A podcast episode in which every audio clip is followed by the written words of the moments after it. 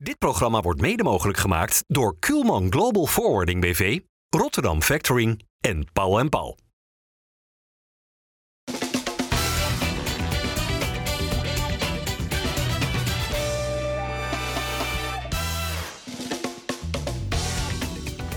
Goedendag dames en heren, hartelijk welkom bij FC Rijnmond. Op deze vrijdag gaan we weer lekker ouwe hoeren over het voetballen met uh, Luigi Bruins, met uh, Dennis van Eersel en met uh, Geert den Oude. Geert, het is dit weekend de Feyenoord tegen PSV. Um, Sparta gaat vanavond al spelen bij Fortuna en dan is het morgen Excelsior tegen RKC. Hoeveel Rotterdamse punten zijn dat? Vier, minimaal vier. Vier, ja. Oh.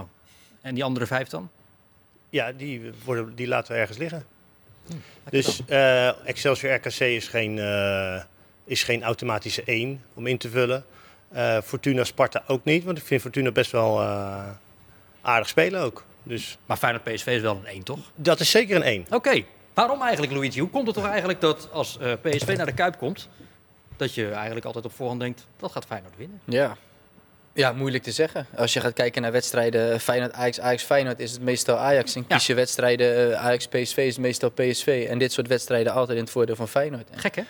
Ja, dat is apart. Ja. Uh, aan de andere kant, zeker nu je ziet dat nou, een aantal spelers bij PSV vertrokken zijn, zeker belangrijke voorhoede-spelers, dan uh, is de kans alleen maar groter op overwinning. Ja, nou gaan we het uitgebreid over hebben, over die wedstrijd later, Geert. Want je zit me aan te kijken van ik wil alweer daar over ja, los. ik zat alweer, nee, je nee. valt op donker of op blond, weet je wel. Dus He? meestal is... Ja, dan, nee, ga maar door. Okay. Um, Dennis, in hoeverre is er sprake bij Feyenoord om teleurstelling, nu er nieuwe aanwinsten toch uiteindelijk zijn uitgebleven? Nou ja, best wel natuurlijk. Hè. Feyenoord is daar uitgesproken over geweest dat ze het middenveld wilden versterken. En dat was dan nog voordat Simanski geblesseerd raakte, ook uh, deze week. Gaat wel enkele weken duren, ook voordat die weer, uh, weer terug is. Dus ja, Feyenoord had dat hard kunnen gebruiken, maar ja, niet ten koste van, van alles. En in hoeverre denk jij dat het ontbreken van een technisch directeur bij Feyenoord hier toch misschien wel debet aan is?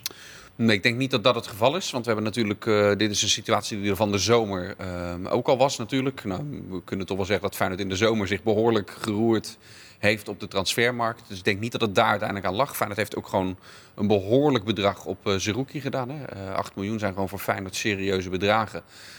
alleen ja, Twente ging er niet mee akkoord. Ja, en ook Pek Zwolle, dan moet je de weging maken met, met Van der Belt. Van oké, Ga je dan nu een bedrag neerleggen, wetende dat je over een half jaar voor veel minder met een clausule alsnog kan ophalen. Dus hoe diep wil je daar dan voor in de buidel ja. tasten? Nou goed, Seruki is dus niet gekomen, Van de Belt ook niet. Walemark is ook weer wel gebleven. Dat speelde natuurlijk ook allemaal nog eventjes. Dus uiteindelijk alleen Casanviro, de enige speler die uh, deze periode naar Feyenoord is gekomen. Feyenoord-trainer Arne Slot die heeft de teleurstelling over het verder toch ontbreken van nieuwe aanwinsten wel uh, redelijk geparkeerd nodig hebben. Nou, daar was niet zo heel veel van nodig. Daar was iedereen zich wel bewust van. Maar als het dan niet lukt, dan ga je weer door.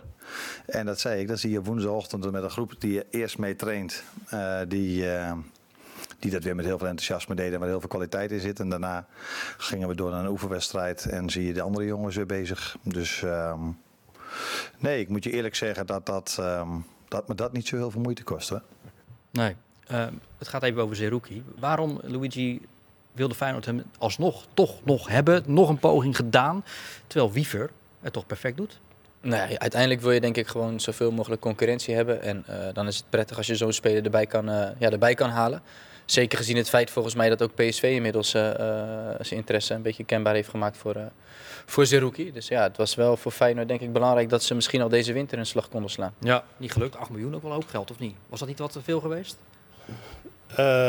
Nee, okay. want uiteindelijk uh, vindt Twente dat uh, waard. Weet je? En het feit dat ze hem ook niet laten gaan uh, en wat wij van hem weten en wat we allemaal van hem zien, ja, is dat al denk ik wel zo. Alleen het is jammer voor, voor Fijn dat het nu niet gaat. Alleen, kijk, Seruki wil je graag hebben omdat hij ook op termijn misschien wel weer een verkoopwaarde heeft. Ja. Weet ja. je? En de ene keer uh, win je 3 miljoen aan de speler. En wij vinden tegenwoordig misschien 3 miljoen niks meer. Omdat uh, als je Earstness uh, inkoopt en verkoopt en kijk wat je daar netto aan overhoudt. Ja, dat is natuurlijk best wel veel. Ja. alleen ja, Feyenoord heeft dat geld natuurlijk nog wel. En die, willen, die zullen ze misschien over, niet overal voor willen uitgeven. Maar ja, Siruki is gewoon een, goede speler. En misschien moet Feyenoord wel bij zichzelf na gaan denken. Hebben we dat in de onderhandeling met Twente helemaal goed gedaan? Want als je merkt dat dat zoals Twente, de directeur van Twente reageert erop, ja, dan heb je toch het idee van dat het zit daar niet helemaal goed. Weet je, het is niet helemaal goed gegaan. Je weet gewoon dat je af en toe spelers koopt en verkoopt, maar Daar is net als tussen Feyenoord en AZ, weet je, dat zit ook niet helemaal lekker. Nee. Overigens, ik zit trouwens te denken, zat jij hier niet twee weken geleden aan tafel? Dat je zei, Twente en AZ die gaan uiteindelijk waarschijnlijk echt niet meedraaien om de titel. Dat heb ik zeker gezegd. Ja, vind je dat nog steeds? Ja. Oké. Ja, ik denk niet dat Twente mee, mee gaat doen. Uh, AZ, uiteindelijk denk ik ook niet. Nou, Ajax is al uh, afgehaakt. Dus dan is het Feyenoord en uh, PSV. Oké. Nou, laat die nou tegen elkaar spelen. Ja. Die berichtgeving over Zerouki, hè? Wat, wat zal dat toch ook wel weer doen met Wiever? Want ja, Luigi zegt, ja, natuurlijk, je wil concurrentie op meerdere spelers op verschillende posities. Maar Wiever uh, zit in de lift, krijgt vertrouwen. En dan moet hij overal lezen dat er uh, Feyenoord graag een concurrent voor hem wil halen. Ja, ik verwacht redelijk stoïcijns van uh, ja? wat, wat, ik hoor van de mensen die eerder met hem hebben gewerkt. En de keren dat ik hem heb geïnterviewd. Denk ik dat dit iemand is die niet zo snel zijn hoofd op hol laat, nee? laat brengen. Nee, Gewoon denk ik. lekker overijsselse nuchterheid bij hem. Ja, dat, dat denk ik wel. Ja. Dat denk ik wel. Tuurlijk zal hij wel even kijken van hè, liever, liever niet dan wel. Dus hij zal denk ik misschien stiekem van binnen ergens wel tevreden zijn dat het op deze manier gelopen is. Uh, en dan ziet hij hem in de zomer misschien wel komen. Maar goed, nu kan hij in ieder geval een half jaar knallen, denk ik. Ja. Het was wel een mooie foto die uh, na die wedstrijd bij Twente rondging. van die twee jongens samen, hè? Wiever en ja. Samen in de jeugdopleiding bij Twente ja. gezeten. Dus ze ja, kennen elkaar. Als Wiever zo blijft spelen zoals hij nu is... dan zie ik ook niet in waarom Slot hem zou moeten gaan wisselen. Nou, um, ik noemde net in het lijstje van spelers die dan uh, ja, zijn, niet zijn gekomen of zijn gebleven. Wallenmark. Wat is de reden waarom hij zijn belofte tot nu toe niet inlost? Poeh, uh, lastig. Ik denk misschien ook een uh, gebrek aan minuten. Uh, het is toch wel, kijk, Mats krijgt nu de kans om te spelen en uh, die krijgt gewoon veel minuten om dat te laten zien. En bij, uh, en bij Wallenmark is dat gewoon een stuk minder. Ja. Mag, af en toe mag hij invallen en dan is het toch lastig om uh, datgene te laten zien wat je misschien wel in huis hebt. Daar heb je gewoon iets langere periode misschien voor nodig. Maar er zal een reden zijn, Dennis, dat, dat ja. uh, hij Slots niet kan overtuigen voor die meer speelminuten. Ja, er was in de winterstop even een fase in die oefenwedstrijden dat hij, dat hij veel speelde en ook, en ook scoorde. Toen dacht ik van oké, okay, misschien komt nu dat moment. Dan raakte hij net even geblesseerd, vlak voor de competitiehervatting. En daarna hebben we hem eigenlijk niet meer gezien. En wat bij hem sowieso overheerst tot nu toe in zijn periode bij Feyenoord... is dat het wel heel erg uh, grillig is. Hè? Af en toe inderdaad zijn goaltjes gehad, af en toe gretig goede invalbeurten... maar dat het daarna ook weer wegzakte. Dus ja, die heeft inderdaad, denk ik, uh, een club nodig... waar hij veel kan, kan spelen ja. om daar doorheen te gaan. Sparta was even sprake van uh, dat die hem misschien zouden gaan halen. Maar ja, dat is toch niet doorgegaan. Was dat het geweest eigenlijk voor hem? Nou, ik denk dat Feyenoord wel heel graag hem wil zien, uh, een seizoen wil zien spelen, zodat ze uiteindelijk kunnen zien wat ze aan hem hebben. Ja. Uh, en als je kijkt naar de buitenspelers van Feyenoord, die, ik denk als ik jou vraag, welke spelers hebben nou uh, lang en goed gespeeld? Nee, dus er wordt heel veel gerouleerd. Ja, nou, ja. is het antwoord al. Ja. Weet je, en dat is, dat is niet voor niks. Dat is, de concurrentie is groot. Ze hebben allemaal wel iets bijzonders. Weet je, als, je, als je kijkt naar Deelrosen of naar Pashao, ze hebben allemaal wel wat. Maar ze hebben nog allemaal niet overtuigd hè, dat slot als eerste zegt, als ik die als die over de voorhoede begint, die staat er altijd in. Nee. Weet je, kijk nu naar Jahan Baks. Nou, die doet het nu weer even, aan het begin toen hij speelde even goed. Dan heeft hij een wedstrijd of 4-5 gespeeld. De laatste wedstrijden was het hield het ook niet over. Maar Jiménez lijkt nu wel echt de eerste keuze te zijn geworden, nou, toch? dat vind ik ook goed dat Slot hem ook nu echt een keer de kans geeft. He, want jij hebt die vraag denk ik 164 keer gesteld in dit programma. Nee, nee de afgelopen, dat is niet waar. 165. Ja. ja. En... Um, Weet je, en ik heb altijd volgehouden, nou, Danilo is de eerste spits, omdat hij dat heeft verdiend, uh, ook of, uh, vanwege zijn aantal doelpunten. Nou ja, uh, alleen Jiménez ga, gaat nooit goed lang spelen, of we kunnen nooit een goed beeld van hem krijgen als hij niet vaak speelt. Nou ja, en nu speelt hij een aantal wedstrijden en hij doet het redelijk. Uh, hij scoort zijn doelpunten, dus nou, laat hem maar even staan. Ja. Uh, Feyenoord al 12 wedstrijden zonder nederlaag, maar in de eerste maand van 2023 wel drie gelijke spelen. Hè? Tegen Utrecht, tegen Ajax, tegen, tegen Twente. Voel je aan alles dat, dat die ploeg wel weer even toe is aan een klinkende overwinning? Of, of moeten we daar niet al te veel over klagen en denken Feyenoord staat eerst, uh, ja, wel prima Bart, zo. Ja, ja ik, weet ik gras bij jullie weg, maar, maar heb je de tegenstanders gezien waar Feyenoord tegen gespeeld heeft? Zijn ja, allemaal nou concurrenten. Ja, nou ja, maar misschien wil je juist, juist dan graag laten maar, zien dat je de beste Ajax bent. was best wel een goede wedstrijd van Feyenoord en die kunnen ze vlak voor tijd winnen. Dus oké, okay, je speelt gelijk. Twente was gewoon een hele goede wedstrijd van Feyenoord. Althans, dat vond ik. Ik weet niet wat de rest van, maar ik vond het een vrij goede wedstrijd. Hadden ze ook kunnen als, winnen als die strafschop was gegeven. En we hebben ook wel eens Feyenoord naar de winterstop gezien. Hoe en doe je dat? Je doet helemaal zo. Als een dat, soort weet, van... dat weet Dennis wel. Als een ja, orakel. maar als je, ja. een, ja. als je een soort dominee bent, weet je wel. Nee, dat ben ik niet. Want ik, nee, ja. het orakel spreekt. Ja, ja, ja, dus precies. ga door. Ja. Weet je? Dus, dus op het moment... Dat je, we hebben ook wel eens Feyenoord seizoenen gehad. En dan kan jij aanvullen bij mij. Uh, dat Feyenoord na de winterstop begin februari uitgeschakeld was voor de titel. Vanwege zes weken voetbal. Nou, en dat is nu natuurlijk wel even anders. Weet je, PSV komt nu over twee weken AZ, Heerenveen tussendoor. Uh, als Feyenoord dat goed doorkomt, nou ja, dan, uh, dan gaan we langzaam richting mei. Met, een, uh, met de goede tegenstanders al gehad. Oh. Heeft het orakel hier gelijk, Luigi? Ik ben het wel met de eens, ja. Tuurlijk, als je naar de tegenstanders kijkt. We hebben het volgens mij al een aantal weken eerder over gehad. En dan ga je kijken, oké, welke tegenstanders krijgen ze? Nou ja, daar zijn ze nu halverwege.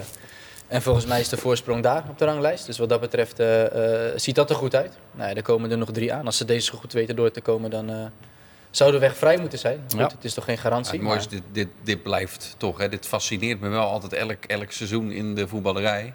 Dat we willen ook conclusies trekken op het moment dat er eigenlijk helemaal nog geen conclusies te trekken zijn. Want straks is deze maand geweest. En dan werd ja, maar straks in maart, je krijgt wel de klassieker in Amsterdam. En dan kan het gat Ja, maar Dennis, nu moet ik even ingrijpen. Nu geef je natuurlijk de leiding van dit bedrijf uh, uh, munitie om dit, met dit programma te stoppen. En daar, wil, ik, daar wil ik graag oh, ja. voor waken, dat is niet erg vind. Want daar moet je natuurlijk wel dit programmaatje vol praten en lekker speculeren. En vooruitblik op een wedstrijd die komen gaat. Speculeren, dat doe ik nooit. Het enige wat wij hier, laat ik dan voor mezelf zeggen, is gewoon hele zinnige dingen zeggen. En als het iets niet klopt, dan komen we daarop terug. Maar het algemeen algemeen hoeft dat niet vaak. Ik hoor de hele tijd een piep in mijn oor. Maar of was jij die nu zei? Ja. Goed. Uh, Simanski, even alle ends. Maar thuis zeggen ze dan gewoon, hoor ik nou ergens een lama schrijven? ja. ja, Woon je in de dierentuin? Luigi, kun, jij even, kun jij even iets aan het niveau doen aan tafel? Uh, ik dacht dat ik voor niveau dat probeerde, ik net, maar, dat probeerde ik net te doen, maar kennelijk heb je liever dit. Dus u vraagt wij draaien. Maar vertel Dennis, je ziet er trouwens goed uit. Dankjewel. Ja, echt waar. Ja. Ja, er zit bij jou een plukje haar. Zo, lekker zeggen, hé. Hoe lang ligt Samanski eruit? Enkele weken. Zei ik het net. Nee, ja, maar toen waren we niet op zender, Dennis. Oh. Ja. Enkele weken. Dus gaat Timber op 10 uh, spelen? Ja, ja nou, dan heeft, Slot heeft het geluk wat dat betreft dat Timber nu op tijd fit is om weer in de basis te kunnen staan. Die gaat ook starten tegen PSV weer. Uh, en die keuze, uh, Timber of sowieso die lastige keuzes op het middenveld, die tot nu toe heeft hij die steeds niet hoeven maken, omdat er dan steeds iemand niet... Uh, nou ja, in die, die heenwedstrijd in Eindhoven, die enige wedstrijd die Feyenoord tot nu toe verloor, had Slot ineens die bedacht, had hij Deelroosund op 10 gezet. Enige keer dat dat, uh, nou niet de enige keer, maar dat was wel de eerste keer dat het gebeurde. Hoe anders is het voetballen voor bijvoorbeeld een spits, voor Jiménez, of, of daar Timber achter staat, of dat daar misschien Deelroosund achter staat, ook in de druk zetten natuurlijk. Ga je dat verschil wel zien? Ga je dat ervaren? Druk zetten lijkt mij wel. Ik denk dat Deelroosund uh, wat druk zetten betreft een hele andere soort speler is dan, uh, dan Timber. Dan Timber. ja. ja. Nou, ja. En Jiménez op zichzelf, jij bent overtuigd nu van nou zet hem in die punt. Maar is natuurlijk niet iemand die 90 minuten druk zet. Nee, omdat hij dat. Uh, nou, Slot, Slot heeft wel uh, een complimenten gemaakt over zijn. Uh, niet alleen over zijn, zijn doelpunten, maar ook over zijn werklust. en ik denk ook dat. dat, dat de, de tactiek van Slot is en dat de opdrachten die hij heeft voor zijn, voor zijn aanvallers, en zeker de nummer 10, dat die echt heel erg belangrijk zijn in het, in het druk zetten. Ik denk als een van die drie, vier verzaakt, dan, dan klopt het spelletje niet, niet meer. Dus, dus ook hij, ja, die doet echt wel zijn arbeid. Ik zou het geen gekke afweging vinden tegen dit PSV en hun verdediger, maar uh, Braveway, These en zo. En hoe Danilo het altijd invult met, met druk zetten, zeker PSV in de Kuip. Als je toch met, met Danilo speelt, in het hoog de bal heroveren, waar zijn statistieken geweldig mee. Ja. Hij scoort dan niet in de Kuip. Maar in dat afjagen speelt hij wel altijd een belangrijke rol. En de verdediging kapot spelen daarmee niet heel gek vinden. Maar is dat, is dat, wordt dat een dingetje? Daniel scoort niet in de Kuip. Is dat een uh, dingetje aan het worden? Uh, nee, ah. dat is een statistiek. Ja, ja, maar, meestal, ja, maar meestal duurt dat dan eventjes ja. en dan uiteindelijk gaat het spelen van... oh ja, maar Danilo die eh, scoort niet in de Kuip na zes, zeven wedstrijden. Ja, wordt dat nu een dingetje? Zondag dan maar. dat zou maar kunnen. Waar liggen de kansen tegen PSV? Um, ja, moeilijk moeilijk. Ik denk dat sowieso met het publiek erachter is altijd anders spelen in de Kuip. Zeker de grote wedstrijden tegen PSV, Ajax en noem ze maar op. Maar Dennis noemde net even dus, die centrale, centrale verdedigingsduur van PSV. Brand Wade, Obispo. Ja. Daar, daar moeten toch kansen liggen? Ja, zou je zeggen. Ik denk iets meer met een bewegelijkere spits dan, uh, dan Jiménez bijvoorbeeld. Uh, zou je op voorhand zeggen, misschien wel. Maar, ja. ja. Nou, ze zijn er daar niet helemaal uit. Hè. Veerman nou wel of niet, de Guti nou wel of niet. Uh, nou ja, wat dat er gaat, ja, dus zijn ze ook nou ja, Als je een speler als Joey Veerman hebt, die zou ik altijd opstellen. Alleen dan vanwege zijn voetbalvermogen. Alleen ik denk dat, dat, dat PSV op dit moment gewoon niet goed genoeg is om Feyenoord uh, hier in Rotterdam te verslaan. Van Nistelrooy heeft ook gezegd, uh, Feyenoord is wat mij betreft titel kanshebber nummer 1. Ja. Dus ja. Dat denk ik ook. Ja? Ja, tuurlijk. Kijk hoe ze ervoor staan. Ik bedoel, we zitten in een goede flow. hebben denk ik gewoon een goede ploeg. Steken goed in elkaar. Goede trainer. Dus uh, nou, wat ik net ook al zei, als je deze wedstrijden doorkomt, ze zeggen wel eens kampioen wordt tegen de kleintjes. Dat heb ik niet verzonnen. Dus, uh, maar goed, die komen daarna komen ja, grotendeels alleen nog maar de wat mindere ploegen. Ja. Ik bedoel, die wedstrijden moet je gewoon winnen. Klaar. Ja. Maar het is, het is echt zo hè, dat al die, die, die ploegen, de eerste top 6, die spelen allemaal nog tegen elkaar. En het enige na zondag is dat Feyenoord alleen nog AZ. AZ en Ajax heeft. Ja. Dus en Ajax geloof ik pas aan het einde van de april, competitie. Achter in april of zo. En volgens mij is de laatste wedstrijd van het seizoen AZ PSV. Of hm. PSV AZ. Zal, zal Guus Stil niet eigenlijk spijt hebben dat hij naar Eindhoven is gegaan? Ja, zo bekijk wel. Maar goed, achteraf, uh, misschien op voorhand zou je zeggen dat PSV uh, eh, wat, uh, wat meer zou meedoen voor de titel dan, dan Feyenoord. Maar hij heeft die keuze gemaakt. En ik denk als je het zo bekijkt, zou hij er spijt van hebben. Maar vooraf, vooraf zou ik zeggen van niet. Dat hij wel overwogen keuze gemaakt heeft. Ja. Als ik nou een... Ja, er zit om de tafel iemand met een, lap, met een laptop. wat ik allemaal hoor. Ja. Allemaal, uh, allemaal, allemaal, muziekjes. Maar goed, we gaan gewoon door. Als ik nou zeg een echte, bekende, specifieke oud Feyenoord en PSV-speler, dan zeg jij? Bij mij komt in mijn hoofd op Theo Lucius. Nou, ja, maar het is hem Kevin Hofland. Kevin Hofland. Jullie zien er nu echt één hele grote over het hoofd. PS Patrick Lodewijks? Ja, maar jij hebt het eruit gezien, Dennis Nee, inderdaad, Patrick Lodewijks. Maak een beetje paard. Ja, ja, inderdaad, dat heeft het programma wel nodig. En Patrick Lodewijks, die kwam in 2002, nadat Feyenoord de UEFA Cup had uh, gewonnen, oh, ging hij van uh, PSV naar Feyenoord. In het seizoen dat volgde werd PSV wel kampioen, maar Feyenoord won in dat seizoen twee keer van PSV, waaronder dus thuis. Wij wonnen met, uh, uiteindelijk die wedstrijd uh, met, uh, met 3-1. En het meest bijzondere daar was is dat ik kende natuurlijk nog veel jongens van, van PSV. En wij stonden in de, in de, in de catacombe beneden. En nou, wij hadden natuurlijk een Feyenoord met, met Pierre, met Paul, met Kees van Wonderen, Patrick Pauw. Shinji Ono. Ja, eh, wij, hadden, wij hadden natuurlijk wel, ook wel een heel goed elftal. En toen stonden we daar in die katkom. En, en, en dat is misschien wel het verschil, zeg maar, hoe je daar naar kijkt. Als je dan, ik, wij stonden links, en PSV rechts. En dan kijk je zo naar rechts en denk je, ja, wij, wij winnen vandaag. Dat zie je dan al. Kan, gaat, echt gaat echt niks fout vandaag.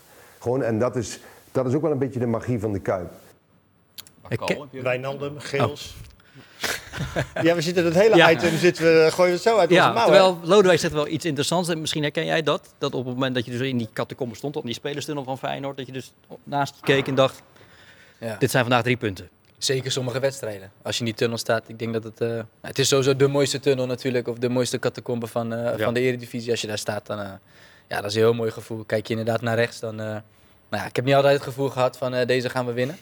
Uh, op voorhand. Dat zou wel mooi zijn geweest. Maar uh, je hebt wel eens van die wedstrijd dat je echt denkt van er kan vandaag alles gebeuren. Maar uh, die punten blijven hier. Ja, ik kan me dat ook een keer herinneren bij een wedstrijd tussen Feyenoord en de Graafschap. Dan zie je die spelers zo de, de tunnel uitkomen. Dan denk je, nou, dit wordt zo eenvoudige ja. overwinning voor Feyenoord. Scoort hij de twee. Niet, niet, niet weer en scoort hij, scoort hij de twee. Toen stond ik ook zo in die tunnel. Zo, nou, dit, dit, gaat, dit gaat worden vandaag. um, in alle ernst, jongens, daar wil ik het wel toch uh, even over hebben. Uh, Dennis, misschien kun jij dat vertellen.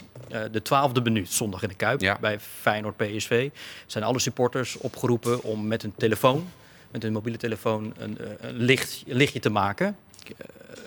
want ja, de perschef van PSV die is al langere tijd uh, uh, ernstig ziek. Ja, Thijs Slegers. Uh, Thijs Slegers. van maandag journalist ook. Ja. ja, en deze week het hartverscheurende bericht vanuit hem dat de artsen me hebben medegedeeld dat er niets meer aan te doen is. Nee. waar ik heel veel respect voor heb, is hij heeft deze week naar buiten gebracht. Stamcelonderzoek, oproep voor gedaan. Ja. Oké, ik ben niet meer te helpen anderen wel. En die oproep, begreep ik, vandaag heeft uh, superveel mannen die zich nu daarvoor hebben gemeld. Ja, Als je in die situatie zit en dan denkt aan, oké, voor mij helpt het niet meer, maar voor anderen wel.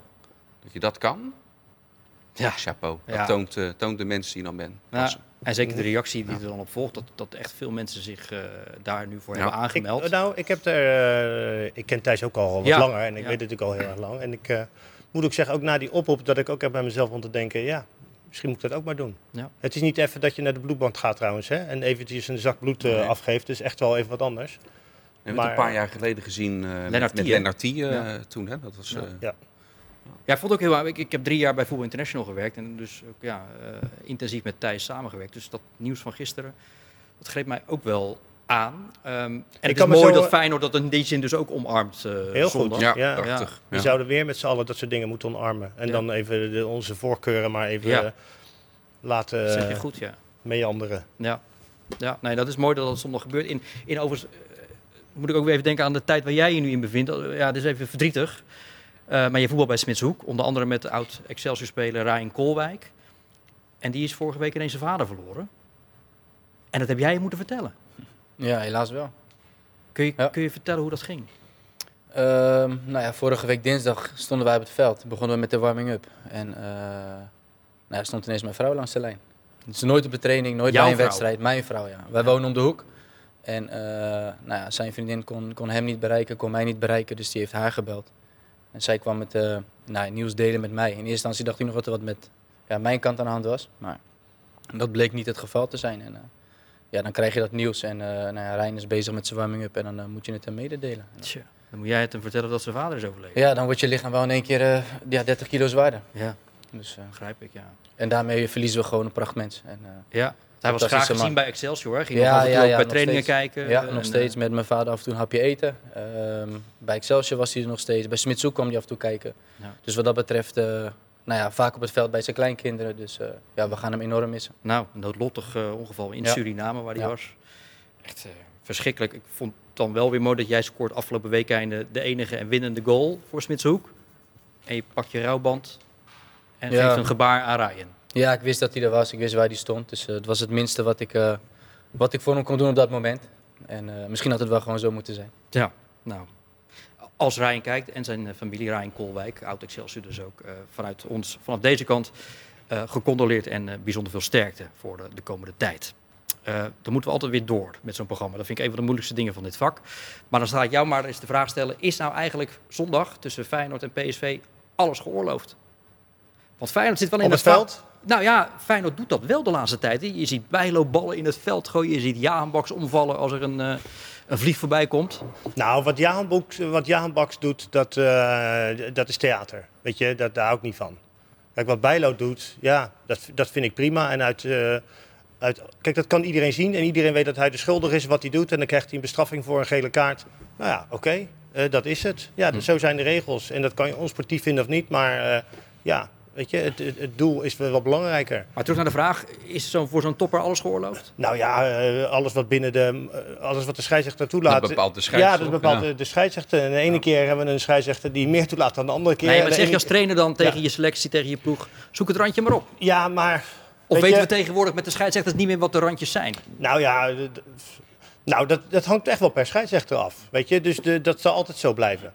Alleen... Makkelijke zondag trouwens. Ja, prima scheidsrechter. Ja. Beter dan jij? Maar het gaat, eh, Bart, het gaat ja. ook of, het, uh, of je er slim gebruik van maakt. Weet je, WK 98, dat klinkt bijna als een oude lul inmiddels. Met Van der Sar en Ortega. Dus het hele land vindt het mooi. En als het andersom was geweest, niet. Ja, ja als een tegenstander iets doet, en Baks deed tegen Ajax bijvoorbeeld iets doms. Uh, met die, die beweging kwam niet goed mee weg. Ja, Timber laat zich dan vallen. En als er daadwerkelijk zoiets gebeurt, ja, dan is, uh, moet je er gebruik van maken, toch? Overigens, Bijlo, nou ja. Uh, ja, sorry, is dat de, de Feyenoorder in grootste vorm nu van iedereen? Grootste vorm? Uh, laat me al eerst zeggen dat het hartstikke slim was wat hij deed. Ja. Ik bedoel, ik kan daar wel van genieten. Ik bedoel, ja, ook al is het zo sportief?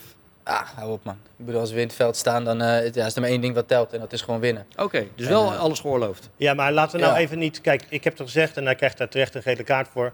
Maar als je kijkt hoeveel, uh, hoe vaak spelers ballen nog even meenemen tijdens wedstrijd, even bal pakken of even een paar meter. Ja. Dat is exact hetzelfde. Alleen dit was misschien met meer theater. Dus het gebeurt honderd keer in een wedstrijd. Dus laten we hem nou niet uh, slechter maken dan de rest. Want het is sowieso een, mij als scheidsrechter een doorn in het oog dat er zoveel gebeurt. Maar mm. dat is wat anders.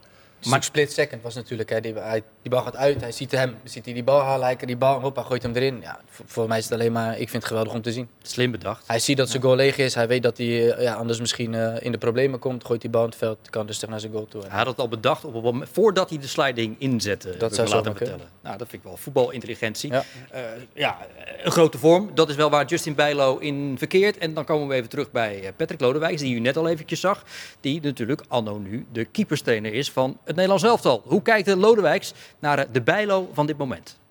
Het lijkt wel of dat hij uh, ja, dat klinkt een beetje eh, ingewikkeld, maar het lijkt dat hij wat over heeft, zeg maar. Uh, dat het uh, heeft ook periodes gehad dat hij best wel wat kritiek kreeg over zijn fitheid. En, kijk, en als je al die, ehm, die, die gevallen apart van elkaar analyseert, dan is het ook heel veel gewoon contactblessures geweest. Ik ken hem al heel lang en dan is het ook weer hartstikke mooi om te zien hoe, hoe die er nu op staat. Dat, en, en ik volg natuurlijk nu met een, met een, ik kijk natuurlijk wel met een andere blik naar, uh, want eh, nu ligt de lat uh, op het niveau oranje. Ik denk dat um, zeg maar de, de potentie van, van Justin um, dusdanig is dat hij zelf moet zorgen dat hij bovenaan die lijst komt te staan.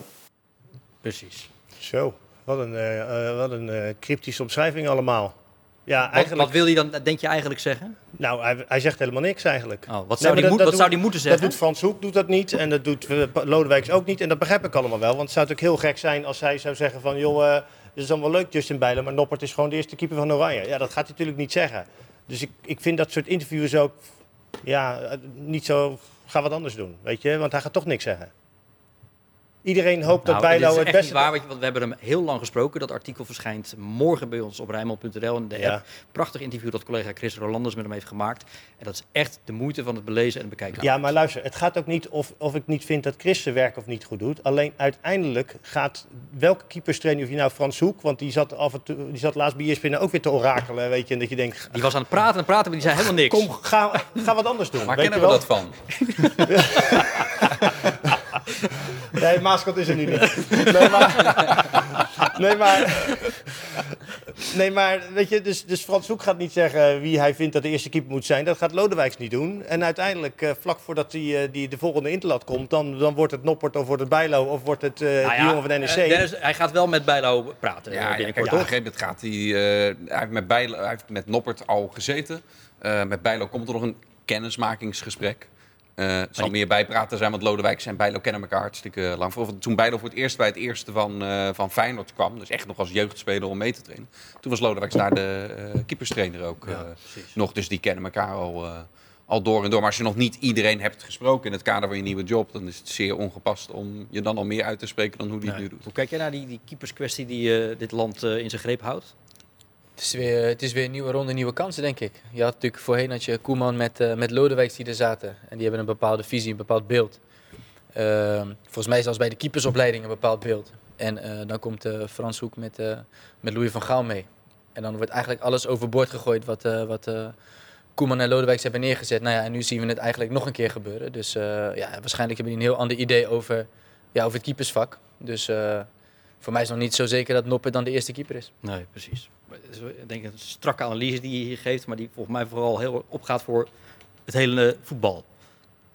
Ja, het ene jaar gaan we naar, gaan we naar rechts en een jaar later gaan we zo, even makkelijk naar links. Maar goed, Nederland zelf als normaal gesproken, of een, of een, of een, of een bond of een, uh, zeg maar een land, is meestal voor een langdurige periode dat er een trainer zit. En dat is in dit geval natuurlijk best wel aan het, uh, aan het wisselen. Wat dat betreft zouden Snolle Bollekes hartstikke goed de KVB, de KVB kunnen vertegenwoordigen. Uh, bij Sparta jongens, daar heerst er enig ongemak na het sluiten van die transfermarkt. Dat komt met Dennis met name omdat Mijnans na AZ is gegaan en er voor Mijnans niet echt een adequate vervanger op is gestaan. Of is aangetrokken. Hoe, hoe kan dat?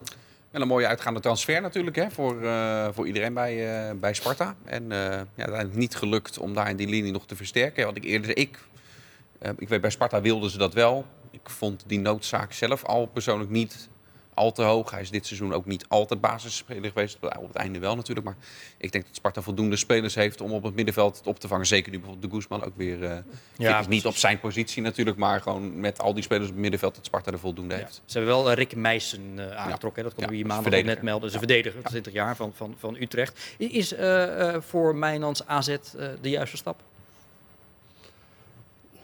Dat weet ik niet. Ja, ik, weet, ik kan normaal gesproken. Jij zit, toch gelijk, jij zit toch gelijk te kijken. Ja, waarom zit je hier dan? Ja, gewoon. Nou ja, omdat ik. Uh, weet je. Meteen, ik zou meteen het woord afnemen.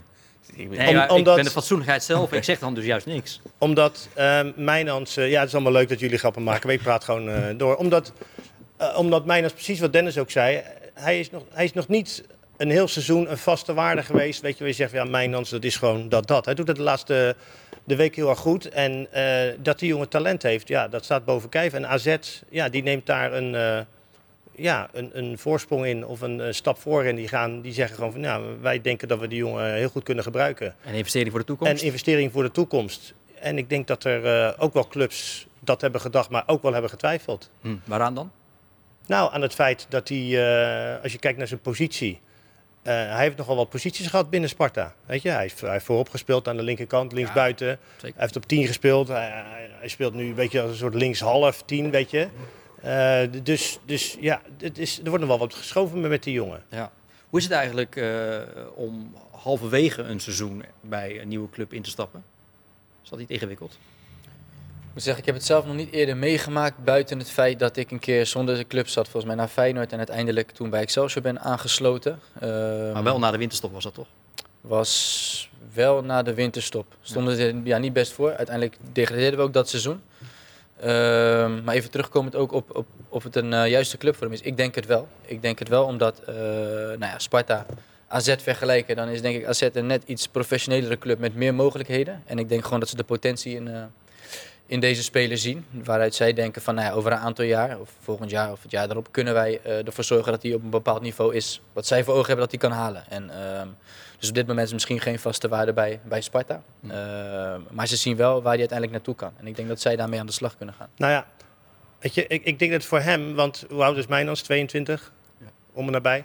Weet je, dat hij gewoon elke week moet spelen. Ja. Weet je? Dat en, en, en dat gaat hij bij AZ nu niet doen. Nee. Dus weet je, ik zie altijd meer in dat soort constructies als je iemand halverwege haalt. Want, want AZ haalt hem voor de breedte. Nou, laat hem dan, dan nog een half jaar bij Sparta spelen. En doen we dan van de hele voorbereiding en laat hem dan. Weet je, want, want nu gaat hij. Of verhuur hem terug. Ja, ja, ja dat bedoel ik. Ja, of laat hem nog even verhuur hem terug. Maar nu gaat hij, uh, nu gaat hij bij AZ gewoon die zit ja. dit weekend sowieso op de bank. Hm. Sparta gaat zelf wel uh, vanavond al spelen tegen Fortuna Sittard in uh, Limburg. En dat gaan ze doen in dit, uh, ja, ik moet echt zeggen, prachtige zwarte tenue. Dat is een ode aan Jules Deelder. Alles is helemaal zwart. Ton Sutton. Alleen, ja, inderdaad, alleen de rugnummers zullen een witte rand hebben, anders kan ik niet zien wie wie is. Maar ja, dat is echt hartstikke mooi dit shirt. Er zijn mensen die dit op tv aandoen. Zou je mij niet zien doen? Maar nee, want dat is een, uh, een, XL en jij hebt een 164. Zo makkelijk allemaal weer. Hè? Sparta wel een beetje uitgedund, hè? Ja, Qua personele bezetting. Hoewel Awassar dan gelukkig uh, ja. wel inzetbaar is. En ook, ook Laurits is, uh, is dat. Maar inderdaad met... Uh, Vriends er niet bij, Saito niet bij. Saito, Vriends die nog wel, de, die, werd die raakte geblesseerd in de warming-up bij NEC ja. zaterdag. eerder naar binnen, toch bijna een helft gespeeld. En dan nu een tijdje eruit liggen. Dat was dan, dan toch de risicovol? Ja. ja. En maar jouw eigen lichaam kan dat blijkbaar dan niet daarvoor waarschuwen of zo? Jawel, waarschijnlijk zal hij genoeg uh, rode alarmbellen in zo'n bovenkamer hebben gekregen. Alleen ja, ik moet zeggen, persoonlijk heb ik dat ook. Daar ben ik misschien net iets te veel liefhebber voor. Dat als ik denk van het kan, dat ik het toch ga proberen. En dan achteraf dan gebeurt er wat en denk ik, ja, dom. Mm. Nou, het is ook een beetje afhankelijk waar hij last van had. Was het hamstring? Weet ik ook niet. Nou ja, kijk, dat voor, wordt ook tegenwoordig niet meer bekend voor gemaakt, de, nee. Voor de mensen die veel thuis op de bank zitten te zappen. Kijk, als je je hamstring, uh, daar bedoel ik mee niet zoveel sporten. Als je last van je hamstring hebt, daar moet je eigenlijk, die moet je eigenlijk gewoon rust geven. Want als je hamstring te veel gaat, ja. dan gaat die scheuren en dan ben je zes, zeven weken weg. Kijk, heb je een, een, een tik op je enkel gehad, die een beetje dikke enkel. Ja, daar kan je dan wel eens een wedstrijdje extra mee spelen zonder dat je daarna zes weken weg bent. Dat is een beetje het verschil. Dus als hij dat risico heeft genomen, ja, vind ik dat een heel onverstandig besluit. Ja, maar goed, ik ga ervan uit dat er ook altijd wel een medische staf uh, dit allemaal goed Ja, maar hoe vaak hebben wij niet in, uh, in het voetballeven met Arjen Robben gezien die, uh, ja, ik ga het toch maar weer proberen. En ja. dan wisten we eigenlijk al van, na een half uurtje, Flink wat beweging trouwens, jongens, nog op de laatste dagen van de transfermarkt bij Excelsior. Vicente Bezuijen is er gekomen, hè, vleugelaansspeler die voor wat diepte moet gaan zorgen. Arthur Zagré, een Franse linksback, die wordt gehuurd van AS Monaco. En ze hebben natuurlijk die Noah Naudjoks uh, gehaald ja. van, uh, van uh, Feyenoord. morgenavond thuis tegen het goed presterende RKC. En dan zeg jij? Drie punten. Oh ja, zeker. Hij, hij dacht van niet net aan het begin van de uitzending. Nou, dat het niet zomaar even een. Uh, sommige wedstrijden zeg ik heel overtuigend dat is uh, die of die gaat winnen. Maar uh, dat denk ik nu niet zomaar. Want ik vind, want ik vind RKC, RKC gewoon een goede ploeg. ploeg. Ja, zeker. Ja. En, en hoeveel tijd hebben we nog? Nee, niet. Shit, joh. Ja, ja ik moet namelijk nog uh, één ding uh, eventjes met u delen. Uh, we hebben natuurlijk hier bij Rijnmond niet alleen dit, dit, televisieprogramma over voetbal, maar we hebben ook diverse podcasts over Feyenoord, over Sparta. En eens in de zoveel tijd ook een podcast die heet Geluid van Zuid. Die wordt gemaakt door Feyenoord supporters en is dus voor Feyenoord supporters. En straks in mei gaan ze een speciale aflevering opnemen in het theater. En die zal dan met name gaan over het kampioensjaar van 1993. Nou, even daar de oproep toe. Ja, dit wordt zo leuk dat we ervoor hebben gekozen om het theater in te gaan. Zodat we ook de luisteraars en finance supporters hier uit de regio uh, de kans geven om, om erbij te zijn. En uh, 92, 93 is voor veel supporters een uh, seizoen wat in het geheugen gegrift staat. Maar bijzonder onderbelicht. Vaak gaat het over Europa Cup, de Wereldbeker. Maar dit seizoen, ja, er zijn fantastische verhalen over te vertellen. maar ja, die gaan wij nu oprakelen. En ja, dat kan je natuurlijk het allerbeste doen met de hoofdrolspelers van het seizoen zelf. Henk Vrezer, Regie Blinker en ook John de Wolf. Maar de laatste is nog enigszins onder voorbehoud. Ja. Zullen veel mensen zich afvragen waarom is die laatste precies onder voorbehoud? Nou, mis, misschien wordt Feyenoord wel weer kampioen, laten we het hopen. En ja, dan is hij op trainingskamp. Uh, maar dan komt hij vast later terug uh, voor een kampioenspecial. Oh, deze man weet dus dat als Feyenoord echt om de titel meedraait, ze dus op trainingskamp gaan en waarschijnlijk even uit het land zijn. Wij noteren hem alvast. Ja. ja. Oh ja? ja. Jij ziet alweer een, eh, een tripje naar Portugal voor je Zeg de man die net nog zeggen... rustig aan, rustig aan. Of zoals ze tegen jou meestal zeggen, rustig. Ja, Heeft Feyenoord deze cent betaald? Nee. Wauw, zo een, een minuut zendtijd. Ja, ja, ja, maar dat is ook wel eens een minuut van jou niet hoeven te horen. Dat is ook, dat is ook wel eens lekker. Dankjewel, Geert Oude. Tot snel weer, hè. Dennis van Eersel en Luigi Bruin. Succes met uh, Smitshoek ook weer dit weekende. Een weekende waarop wij hier bij Rijnmond natuurlijk volop verslag gaan doen van de Rotterdamse club. Vanavond dus Sparta bij Fortuna. Morgenavond, de zaterdag Excelsior. Dat gaat spelen tegen RKC. En zondag pakken we uit met Dennis en Dennis. Met Feyenoord tegen PSV. Maandag praten we erover na een FC Rijnmond. Dus graag tot dan. Goed weekend.